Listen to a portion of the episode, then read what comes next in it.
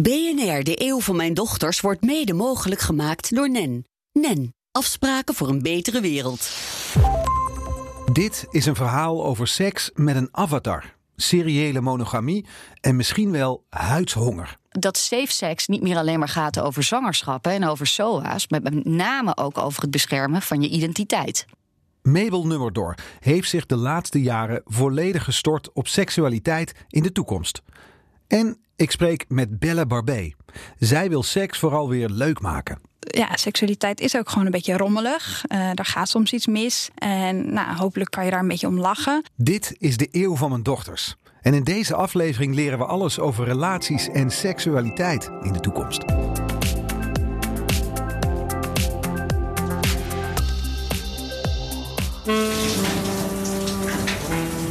I was wondering if you would like to have sex. With you? Mm-hmm. Oh, yeah. What do you say we just do it the old-fashioned way? Ew, disgusting. You and me, baby, ain't nothing but mammals, so let's do it like they do on the Meisje. Jongen. Mijn tweelingdochters Puk en Keesje zijn 2,5 jaar oud. Het zijn kinderen van de 21ste eeuw. Een eeuw waarin alles in beweging is. We leven niet in een tijdperk van verandering, maar in een verandering van tijdperk. Dit is de eeuw van mijn dochters. Mijn naam is Mabel Nummerdor. Ik ben toekomststratege en schrijver. En ik heb mij de afgelopen jaren nogal bezig gehouden met de toekomst van seksualiteit.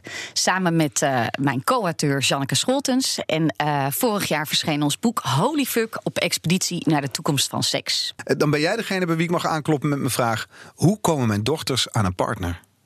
Ja, een partner vinden is natuurlijk een, uh, eigenlijk een soort economische kwestie. Je moet op zoek gaan en je hoopt dat er voldoende vraag en aanbod is. En uh, uh, als jouw dochters slim zijn, en dat zijn ze vast, dan gaan ze op zoek naar plekken waar dat aanbod aanwezig is. En jij en ik kunnen ons allebei wel voorstellen dat dat niet eens zozeer meer in de kroeg is. maar dat, dat, dat die marktplaats zich met name online afspeelt. Of in ieder geval op je mobiele telefoon. Ze gaan swipen tot ze een partner vinden. Ja, Elke week laten we wetenschappers uit het veld ons wegwijs maken in de komende eeuw. De mensen die de komende decennia gaan vormgeven. Maar wat betekenen alle veranderingen die op ons afkomen nou voor ons als mens? Daarover techniekfilosoof Peter Paul van Beek. Hoe vinden mijn dochters straks hun partner? Een hele spannende vraag lijkt mij. Zeker in tijden van kunstmatige intelligentie uh, en van online daten. Waarbij mensen eigenlijk hun partner steeds vaker uh, digitaal vinden. En waarbij ook nog weer kunstmatig intelligente systemen gaan helpen. En misschien wel heel goed kunnen snappen en aanvoelen wat een goede match met jou zou zijn. En tegelijkertijd opent die digitale wereld weer uh, de weg uh, naar allerlei akelige nieuwe vormen van seksueel geweld. Zeg maar. Uh, sextortion, hè, naaktfoto's van iemand aftroggelen en iemand daarmee chanteren is een, een opkomende vorm van ja, narigheid online op het gebied van de liefde. Dus het is niet alleen maar roze geur en maneschijn misschien. Mijn naam is Peter Paul Verbeek. Ik ben hoogleraar filosofie van mens en techniek aan de Universiteit Twente en mededirecteur van ons designlab daar. Ja, digitale liefde. Uh, ik denk dat het een heel belangrijk thema is voor de toekomst. Waarbij we aan het zoeken zijn, volgens mij, naar nieuwe vormen van intimiteit. Waarbij eigenlijk sexting, zoals dat heet, he, dus het online uitwisselen van erotische ja, tekst en plaatjes, steeds meer onderdeel is geworden van de liefde. Wat weer ook allerlei nieuwe vormen van kwetsbaarheid met zich meebrengt. Uh, ook weer allerlei nieuwe uh, manieren om dat op te slaan, te bewaren, te vergelijken met anderen. Wat weer misschien leidt tot nieuwe vormen uh, van uh, uh, ja, maar perfectie of idealen van perfectie in de liefde. wat is de beste intimiteit? Wat is echte liefde? wat is de beste seks? En misschien uh, de meest exotische vorm die toch steeds sterker opkomt, is ook echt daadwerkelijk seks hebben op afstand. Met een robot of met elkaar via een systeem waarbij je seks kunt hebben via dat systeem op afstand. Wat weer allerlei grote vragen, denk ik, oproept rondom de relatie tussen seks en liefde. Kun je seksualiteit gewoon reduceren tot uh, het binnendringen in mekaars lichaam? En haal je daarmee niet eigenlijk heel veel warmte, intimiteit, tederheid weg uit die seksualiteit? Wat gaat er gebeuren met de koppeling die wij in onze maatschappij uh, nog steeds gelukkig maken, denk ik, tussen seksualiteit en liefde? Gaat het iets doen met nabijheid en afstand tussen mensen? Kortom, een onderwerp dat denk ik voor iedereen heel essentieel is. En ik ben heel benieuwd wat mijn medewetenschappers daarover te zeggen hebben. Ze zullen vooral de controle in hand hebben, omdat ze zelf heel goed gaan nadenken over wie of wat ze zoeken. Maar of dat uiteindelijk helpt bij het vinden van je grote liefde, dat is nog maar de vraag. Ja, want ik bedoel, er heeft, het heeft ook iets te maken met geur, met pheromonen. Ja, met, eh, zeker. Dat, dat, dat ruiken proef je allemaal niet als je online zit. Nee, dat is absoluut een fysiek element. Wat wel grappig is, dat, dat als je een trend ziet, hè, die digitalisering, ontstaat er vaak ook gelijk weer een tegentrend. Wat in Londen nu heel erg aan de hand is, zijn oxel sniffing parties. Sorry? Ja, je hebt me goed verstaan. Ja? Eh, snuif een andermans oksel en op basis van alleen die gegevens kun jij kiezen of je bij die persoon past. Omdat ze daarmee eigenlijk weer teruggaan naar, hey, is er wel sprake van fysieke aantrekkingskracht? Moet je daarvoor ook een uur gesport hebben?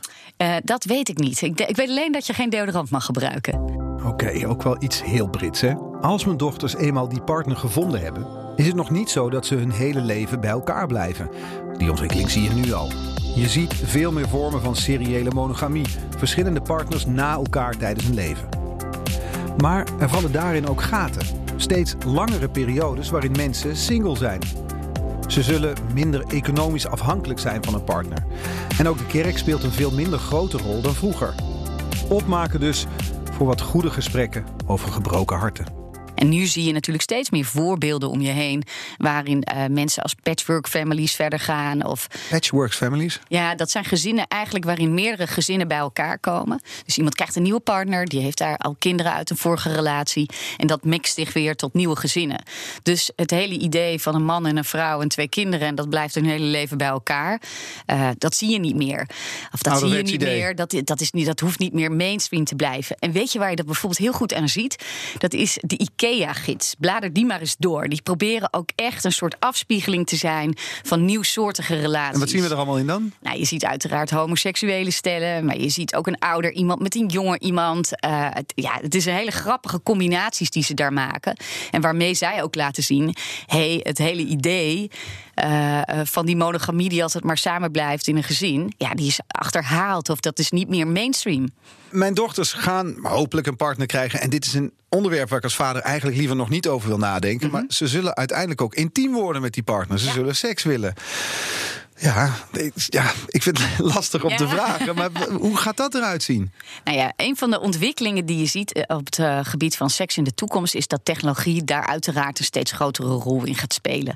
Dat zie je niet alleen in het vormen van relaties. Hoe, hoe vind je je liefde? En eh, eh, Dus niet alleen het swipen Nee, om een partner te vinden, maar dan hebben, hebben ze een maar partner. Dan, heb je die partner, of die heb je tijdelijk niet. Dat kan natuurlijk ook. En dan ga je daarin ook op zoek naar een stuk seksuele bevrediging.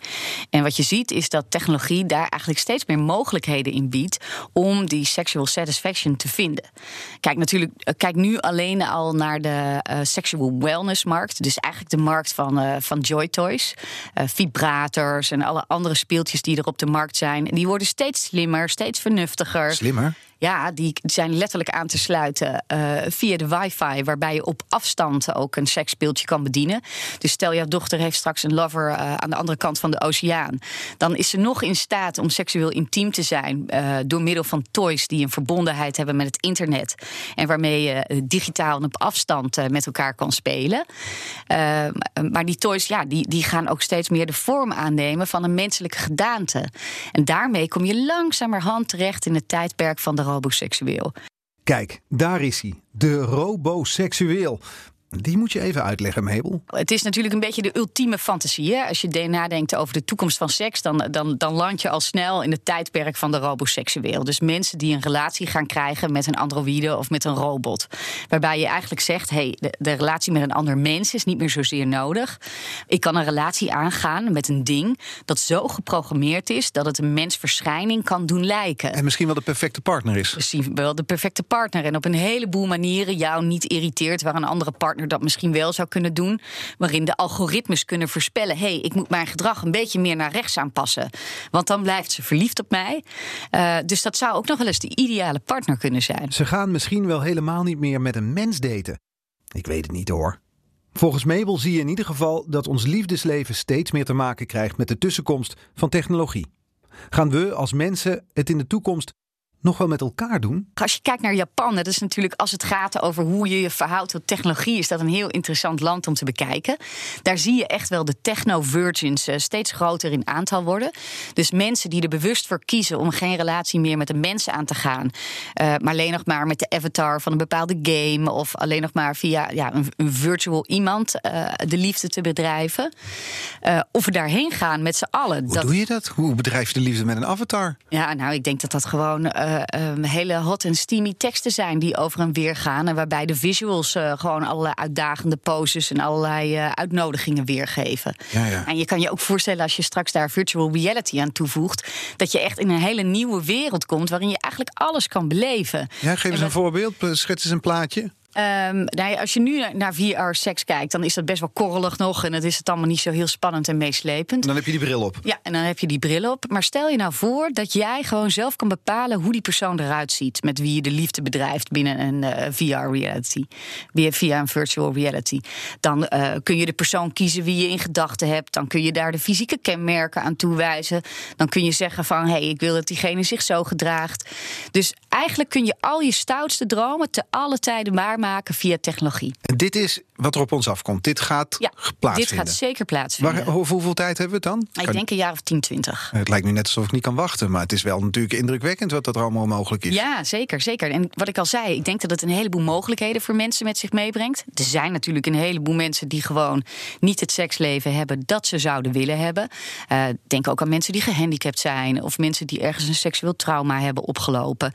Eh, dat soort nieuwe omgevingen kunnen daar ja, eh, uitstekende oplossingen voor bieden en daar ook enorm hulpvaardig in zijn. Stel, mijn dochters kunnen eh, seks hebben. Ja. Het is toch een zin die ik moeilijk vind om te uiten, maar ik ga hem toch gewoon nog een keer aan. zeggen. Ja. Stel, mijn dochters kunnen seks hebben met wie ze willen, wanneer ze willen, op de manier zoals ze willen, dankzij technologie. Ze, ze kunnen de Brad Pitt van dan uitkiezen die precies doet wat zij fijn vinden. Ja. Waarom zouden ze nog met een echt mens gaan zitten aanrommelen? Ja, dat kun je je afvragen. Want eh, we weten allemaal dat mensen ook gewoon best wel lastig zijn om mee om te gaan. Met mensen omgaan, en zeker in relaties, dat is helemaal niet overzichtelijk. Mensen zijn soms onaardig, ze zijn bot, ze zijn onvoorspelbaar. Dus dat is een hele goede vraag die je stelt, denk ik. En eh, wat daarbij ook nog komt, is dat stel nou dat je altijd maar krijgt wat je hebben wilt. Hè? En dat eigenlijk je in je brein helemaal geen mogelijkheid meer is om, om ergens naar te hunkeren, om ergens naar te verlangen of om ergens over te fantaseren. Wat doet dat met Zijn ons? we dan nog wel zo geïnteresseerd in seksualiteit? Want ja, het is natuurlijk een primaire levensbehoefte van de mens om, om, om seksualiteit te hebben en intimiteit te ervaren. Maar als je daar nooit meer naar hoeft te verlangen, met twee drukken op de knop heb je het, het, het meest geweldige scène die je kan bedenken. Terwijl Eh, gewone seks, huistuin en keukenseks toch een beetje gerommel in de marge is af en Ja, toe. ja, Maar misschien inderdaad. spreek ik nu En alleen dat- over mezelf, maar ik denk Ja, dat... ja, dat is natuurlijk niet altijd een negen. En als dat via technologische omgevingen wel altijd eh, een, een vijf sterren ervaring kan zijn. Ja, waarom dan nog klooien in die marge zoals je het zelf omschrijft? Tja, waarom dan nog, hè? Het stemt me toch niet helemaal gerust. Waarom zouden we het nog met elkaar doen in de toekomst? Uiteindelijk gaat daar op, op al dit soort trends, hè, we- mensen te neigen naar technologie, ontstaat uiteindelijk toch weer een tegentrend. En wat je daarin wel ziet, is dat er een huidhongersnood ontstaat. Een huidhongersnood. Een huidhongersnood. Het is hetzelfde als dat we kunnen een enorm groot sociaal netwerk hebben, maar de ervaring van echte vriendschap, die beleef je alleen maar op het moment dat er fysieke nabijheid is. Je kan een enorm spetterend seksleven hebben via virtuele realiteiten, maar ervaar je het ook eh, der- op, op dezelfde manier als dat je rommelt in de marge, maar wel huid, huidcontact hebt met een echt mens. Nou ja, dat huid, op huidcontact, dat is iets waar een beetje schaarste gaat ontstaan. Als we elkaar minder fysiek zien, minder geneigd zijn om relaties aan te gaan met mensen en meer onze heil zoeken in objecten of slimme apparaten of eh, uiteindelijk dan die, eh, die, die robots of die androïdes. Ehm, ik- denk dat we daarin ook wel weer een beetje van terugkomen. Net als dat we ons nu ook steeds beter realiseren dat de aanwezigheid van die mobiele telefoon of s'avonds op de bank misschien ook wel het echte contact in de weg zit. Deze aflevering leren we alles over seksualiteit in de toekomst. Nog even terug naar Mabel Nummerdoor. Want aan de ene kant gaat technologie een steeds grotere rol spelen in onze relaties. Maar aan de andere kant ontstaat er ook een soort huidshonger, stelde ze. Hoe kan ik mijn dochters hier nu het beste op voorbereiden? Volgens mij heeft een deel daarvan wel te maken met een heel oud experiment dat in de jaren 70 ooit in Stanford werd uitgevoerd. De Universiteit van Stanford. Uh, en dat heet het Marshmallow-experiment. Misschien heb je er wel eens van gehoord. Jonge kinderen in een klaslokaal. Uh, er komt een uh, docent binnen en die vertelt aan die kinderen: Kijk, ik heb hier een hele grote pot met spekkies staan. Ik ga even weg. Als jullie nou niks pakken, dan krijg je straks twee spekjes. Maar als je nou al een spekje gepakt hebt, dat mag, dan krijg je er niet nog één. En wat ze eigenlijk wilden bekijken daar is in hoeverre jonge kinderen in staat zijn om hun behoeftebevrediging, om ja, ik wil dat spekje nu hebben, om dat een tijdje uit te stellen. En ik denk dat wat wij ouders aan kinderen kunnen leren, maar misschien ook wel onszelf af en toe uh, weer een beetje beter bij moeten brengen, is ben je in staat, ik wil dit nu. Maar is dit op lange termijn, levert het het op lange termijn ook op wat ik hebben wil? Dus kinderen leren omgaan met het uitstellen van, van wat je nu wil. Uh, dat daar een soort kernpunt ligt. Want als je leeft in een wereld waarin er altijd overvloed is, hetzelfde geldt natuurlijk ook voor shoppen. Als jij met, uh, met, met drie swipes uh, 26 nieuwe jurken kan bestellen op afbetaling, ja, dan moet je ook leren om dat te weerstaan. En hetzelfde geldt waarschijnlijk ook voor seksualiteit die zo overvloedig aanwezig is, daar kun je je iedere dag helemaal in onderdompelen. Of je kan erover nadenken hoe je daarmee omgaat. Zou jij met je blik die je hebt en met de kennis die je hebt van dat wat er op ons afkomt, over pak een beet uh, 18 jaar, 20 willen zijn? Nou, ik denk dat het, wat, dat het wel echt steeds lastiger is. En uh, dat heeft met name te maken omdat het onderscheid tussen intimiteit en uh, individuele seksuele bevrediging, die wordt, ja, die wordt eigenlijk steeds verder uit elkaar getrokken. We dus, doen het vaker, maar misschien minder met elkaar. Ja, dus uh, het ik staat daarin uh, absoluut voorop. Uh, het begint al bij, die, bij, die, bij, die, bij Tinder en bij die sites waar we het over hadden: van hoe ontmoet iemand nou een partner? Dat gaat heel erg uit van hoe jij wil dat een partner is en aan welke eisen iemand moet voldoen om in aanmerking te komen voor een date. Datzelfde geldt natuurlijk ook als je technologie, seksuele technologie ziet in dat kader. Dat gaat allemaal hoe jij het wil hebben. En niet zozeer om het samen zijn tussen twee mensen. En wat ik Terwijl wel... dat is wat ons menselijk maakt. Of ja, klink ik nu heel erg. Ook, ja, zeker. En dat is natuurlijk ook een heel belangrijk deel van wat seks is. En dat, dat is niet alleen maar die lust. Dat is ook natuurlijk voor het overgrote deel die liefde en die intimiteit. Met alles wat ik nu gehoord heb en alles wat technisch gezien mogelijk is op het gebied van relaties en seksualiteit, vraag ik me nog wel één ding af. Worden we in de toekomst preutser? Als je gaat kijken naar de jaren 80, 90, was bijvoorbeeld topless zonne veel, veel meer aan de orde van de dag. We worden bewuster van ons blote lichaam. Uh, deels heeft dat natuurlijk te maken met het feit dat je uh, altijd te alle tijden vastgelegd kan worden. Dus dat alles wat je doet, uh, kan je je hele leven nog achtervolgen. En wat ik zelf heel opvallend vond, is we hebben veel met jonge mensen gesproken en ook veel met studenten. Mensen die tijdelijk toch vaak ook gewoon meerdere seksuele losse seksuele contacten hebben. En een van de dingen die meerdere mensen zeiden, was de hele tijd van ja, maar ik moet wel zorgen dat ik weg ben voor ik in slaap val. En ik begreep dat in eerste instantie niet helemaal. Maar uiteindelijk kwam het erop neer: ja, in slaap vallen, dat brengt, een, uh, ja, dat brengt een potentieel gevaar met zich mee. Want op het moment dat jij bij iemand in bed bent gestapt uh, en je bent in slaap gevallen, dan kan je gefotografeerd worden. Dan kan iemand jou vastleggen in een pose of in een situatie waarvan je niet wil dat die je nagedragen wordt, of dat die terugvindbaar is, of dat er over geappt wordt, of ja, op een andere manier jou beschadigt. Dus ik, ik weet niet of mensen. is dat als je het zo stelt? Ja, nou, dat heeft denk ik ook met wederzijds vertrouwen te maken. Ja, dat, wat er dus niet is. Ja, en de media die daartussen komt. Dus worden we preutser? Dat weet ik niet. Ik denk wel wat we voorzichtiger worden. Omdat safe sex niet meer alleen maar gaat over zwangerschappen en over SOA's. Maar met name ook over het beschermen van je identiteit. Dat baart me toch wel zorgen. Dat je jezelf ook daarvoor moet beschermen. Hoe leuk en ontspannen kan het dan nog zijn? Ik vraag het Bella Barbé. Als pedagoog wil zij aandacht voor de leuke kanten van seks. Die raken volgens haar nu vaak ondergesneeuwd door de waarschuwingen voor SOA's en ongewenste zwangerschappen. Het is een onvermijdelijke toekomst. Uh, en ik ben heel erg van de positieve benadering. Dus ik denk, um, je moet daar niet uh, te hard tegen ingaan. Het gaat zoals het gaat. En ik denk dat hoe de jongeren nu, en jouw dochters zijn klein, maar als je, hebt, als je het hebt over pubers nu bijvoorbeeld, hoe die online relaties hebben en hoe ze online seks hebben, uh, dat dat voor heel veel mensen echt een ver van hun bedshow is. Die veranderingen die gaan zo snel. Um, ik ben 27, maar zelfs ik, ik begrijp het, maar ik kan er ook niet helemaal bij. Want wat, wat snap je niet dan? Nou, ik snap dat ze die online verbinding voelen, maar zelf voel ik hem niet altijd. Uh, en ik denk dat het voor jongeren uh, nu en dus, dus later voor jouw dochters, dat zij echt evenveel waarde zullen hechten uh, aan relaties offline, zoals wij dat nu offline doen. Zeg maar. Dat zij die waarde aan online relaties zullen hechten, zoals wij dat nu aan offline relaties hechten.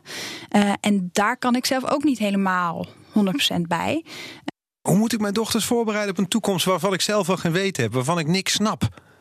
Ja, laat uh, hun maar jou voorbereiden, denk ik. Ik denk dat we daarin heel erg moeten luisteren en kijken naar jongeren nu. Zij weten echt veel meer hierover dan wij. Uh, en laat ze dat ons maar vertellen. We hoeven niet altijd um, een kind aan de hand te nemen en te zeggen hoe het moet. Want ja, zo was het vroeger. Um, maar dat wil niet zeggen dat dat in de toekomst ook zo zal zijn. Dus luister ook vooral naar je dochters, zou ik zeggen. Ja, nou ja, ze zijn nu 2,5. Nu moeten ze vooral nog naar mij luisteren, vind ik. Ja, dat kan, ja. ja. Jij bent specialist in seksuele opvoeding. Ja. Wat is je tip? Hoe moet ik het aanpakken als vader? Hoe moet ik ze voorbereiden op een toekomst?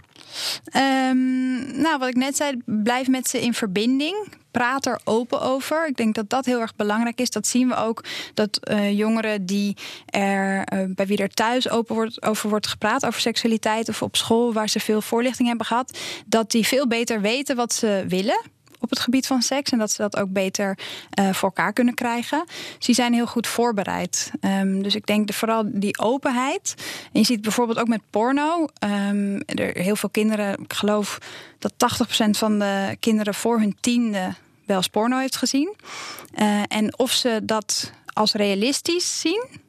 Uh, dat heeft heel erg te maken met of er thuis over wordt gepraat. Dus kinderen waarbij er thuis niet over seks wordt gepraat, die denken dat porno hetzelfde is als seks. En kinderen die daar wel over praten met hun ouders of op school, die weten dat dat dus gefilmd is dat het nep is. Maar we moeten gewoon ervan uitgaan, kinderen zien het. Kinderen hebben porno gezien als ze tien zijn. Tenminste het grootste deel ervan. Ja. Dat moeten we nou eenmaal accepteren. De vraag is dan hoe we daarmee omgaan. Ja, en liever nog voordat ze het hebben gezien... dat je al dat gesprek met ze aangaat. En dat het niet één keer een gesprek is... maar eigenlijk nou, dat je nu al begint met jouw dochters om hierover te praten. En dan bedoel ik natuurlijk niet dat je um, nu al moet uitleggen... welke voorboedsmiddelen er zijn. Uh, maar dat je wel hebt over je lichaam en over over het verschil uh, tussen jongens en meisjes. En over hoe je je voelt. En waarom je één iemand lief vindt en de ander niet lief vindt. Dat zijn ook allemaal dingen die bijdragen aan je beleving van seksualiteit als je wat ouder bent. We gaan het later doen, blijkt uit recent onderzoek van Rutgers en SOA AIDS Nederland. Ze deden een grootschalig landelijk onderzoek naar de seksuele gezondheid van Nederlandse jongeren onder de 25.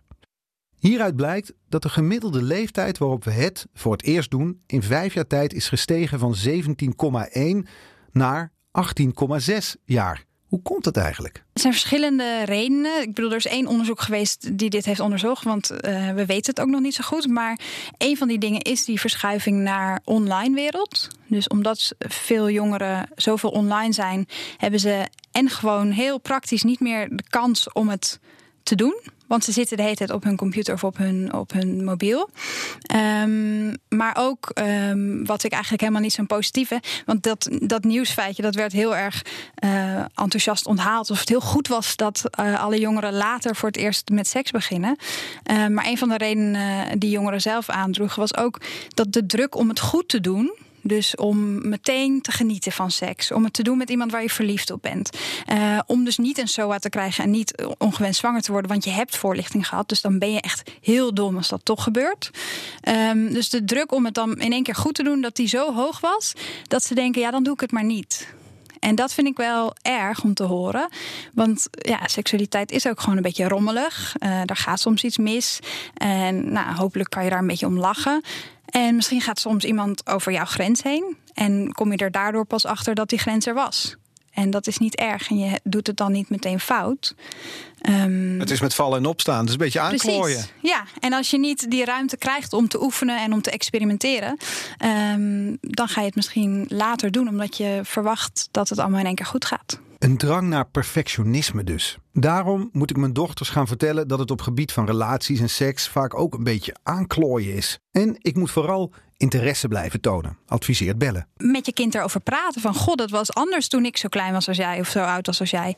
Uh, en dit was hoe het uh, in mijn tijd was. En wat vind je daarvan om dat te horen? En dan met elkaar het gesprek aangaan. Het, het angstbeeld voor mij als vader, en ik denk dat veel vaders dat herkennen, is dat er straks zo'n pukkelige jongen of een meisje voor de deur staat die mijn dochter komt ophalen. En ik denk, oh nee, dit gaat niks worden. Ik zie het nu al, maar je moet ze laten gaan. Ja, Gaat dat nog veranderen in de toekomst? Kan ik daar op de een of andere manier iets aan doen? Nee, ik denk dat dat moment sowieso gaat komen. Ehm, en misschien eh, gebeurt het dus al wel veel eerder online zonder dat je er weet van hebt. Zit er een pukkelig jongetje of meisje ergens, eh, ergens anders in het land met jouw dochter te appen? Ehm, nee, dat, en dat moet je ook. Dat, dat wil je uiteindelijk, wil je dat toch ook? Dat ze dat ervaren. Want dat is het ook. We hebben het over iets wat, wat we als, eh, voor volwassenen als iets heel moois en, en dierbaars zien. Hè, liefde of seksualiteit. Op dat we dat op een prettige manier ervaren. Dat is voor heel veel mensen heel belangrijk. Ehm, maar jongeren en kinderen mogen dat niet. Dus dat is ook een beetje gek eigenlijk. Dat we, dat we het onszelf wel gunnen als volwassenen, maar, maar jongeren niet. Nou, ik gun het jouw kinderen wel, alleen mijn dochters niet. Nee, ik denk dat jij het ook jouw dochters uiteindelijk gunt. Jij bent oprichter van de website. Omschrijf jezelf als een nieuwe vorm van seksuele voorlichting. Ja. Wat is er nieuw aan? Eh, nieuw is, is dat het eh, echt de plezierige kanten van seks benadrukt. Ehm, ik denk dat heel veel van de voorlichting die we nu nog zien, eh, echt doorspekt is van wat er de afgelopen 50 jaar is gebeurd. Dus voordat we hormonale anticonceptie hadden, ehm, werd je makkelijk zwanger van seks. Nou, toen we de, eenmaal de pil hadden, konden vrouwen voornamelijk seks hebben zonder dat ze daar eh, ongewenst zwanger van werden. Eh, in de jaren 80 had je natuurlijk AIDS, ehm, waardoor we ontzettende campagnes voor veilig vrijen hebben gehad. Ehm, en die dingen, die zijn eigenlijk, hebben we een beetje opgelost. Hè. We, we kunnen seks hebben zonder zwanger te worden. We kunnen seks hebben zonder een SOA te krijgen. En ik denk dat we over een tijdje echt zullen terugkijken op dit. Op deze tijd als het MeToo-tijdperk. Dus je ziet dat er nu heel veel aandacht is voor wensen en grenzen in de seksuele voorlichting. Ehm, en dat zijn eigenlijk ook de drie dingen die er mis kunnen gaan bij seks. Je kan ongewenst zwanger worden, je kan een SOA krijgen... of iemand kan bij jou over een grens heen gaan. Eh, en als we die dingen hebben opgelost... dat we dan kunnen kijken naar eh, het plezier in seks. Want ik zei net al, mensen hebben seks ook omdat het lekker is. En dat wilden we eigenlijk met Website doen. Dat vooral dat plezier in seks, dat dat voorop staat. Gaan mijn dochters monogaam zijn? Of is het niet meer belangrijk in de toekomst? Ik denk dat je steeds meer verschillende relatievormen gaat zien. Ik denk, eh, dat zie je nu al. Het wordt steeds meer mainstream om eh, bijvoorbeeld een open relatie te hebben. Of ehm, eh, allerlei soorten relatievormen, latrelaties. Wordt, wordt steeds normaler, nog steeds. Ehm, dus monogaam, ja, misschien op één moment met één iemand. Ehm, maar monogamie is ook al veranderd, de betekenis van monogamie. Dat was vroeger dat je je hele leven met één iemand bleef. En dat is nu dat je één iemand tegelijkertijd hebt. Eh, en dan als je En waar weer. gaat het in de toekomst naartoe dan? Ehm, Of waar zou het heen kunnen gaan? Ik, ik, het zou er naartoe kunnen gaan dat we, dat we kortere relaties. Ik denk dat mensen wel. Ik denk dat. ik- Of het nou echt uit mensen zelf komt, weet ik niet. Maar ik denk dat het in ieder geval heel erg in mensen zit inmiddels. Of dat nou cultureel bepaald is of biologisch. Dat mensen wel een soort van veiligheid, v- verbintenis zoeken. En dat vinden in een monogame relatie. Maar ik kan me ook voorstellen dat je veel kortere relaties gaat krijgen. Dus eh, tijdens je studententijd, want dan ben je zo'n persoon. Of eh, daarna om kinderen mee te krijgen. Want dan heb je dat nodig van iemand. En daarna weer een ander iemand. Want eh, nou ja, dus heb je je kinderen opgevoed en dan kun je weer iemand voor jezelf kiezen of zo. Dus ik denk dat we misschien wel kortere relaties zullen hebben. We willen zaken steeds meer onder controle krijgen. En dat geldt ook voor ons liefdesleven. Terwijl dat aanrommelen het juist ook zo leuk maakt. We gaan het later doen, worden preutser. En dat hoeft allemaal niet erg te zijn. Als we ook maar oog blijven houden voor de leuke kanten van seks. Puk een keesje. Ook al vond ik dit als vader soms een beetje een ongemakkelijk onderwerp om over te praten. Ik wens jullie een gezond en gelukkig leven. Ook op dit vlak. BNR, de eeuw van mijn dochters, wordt mede mogelijk gemaakt door NEN. NEN, afspraken voor een betere wereld.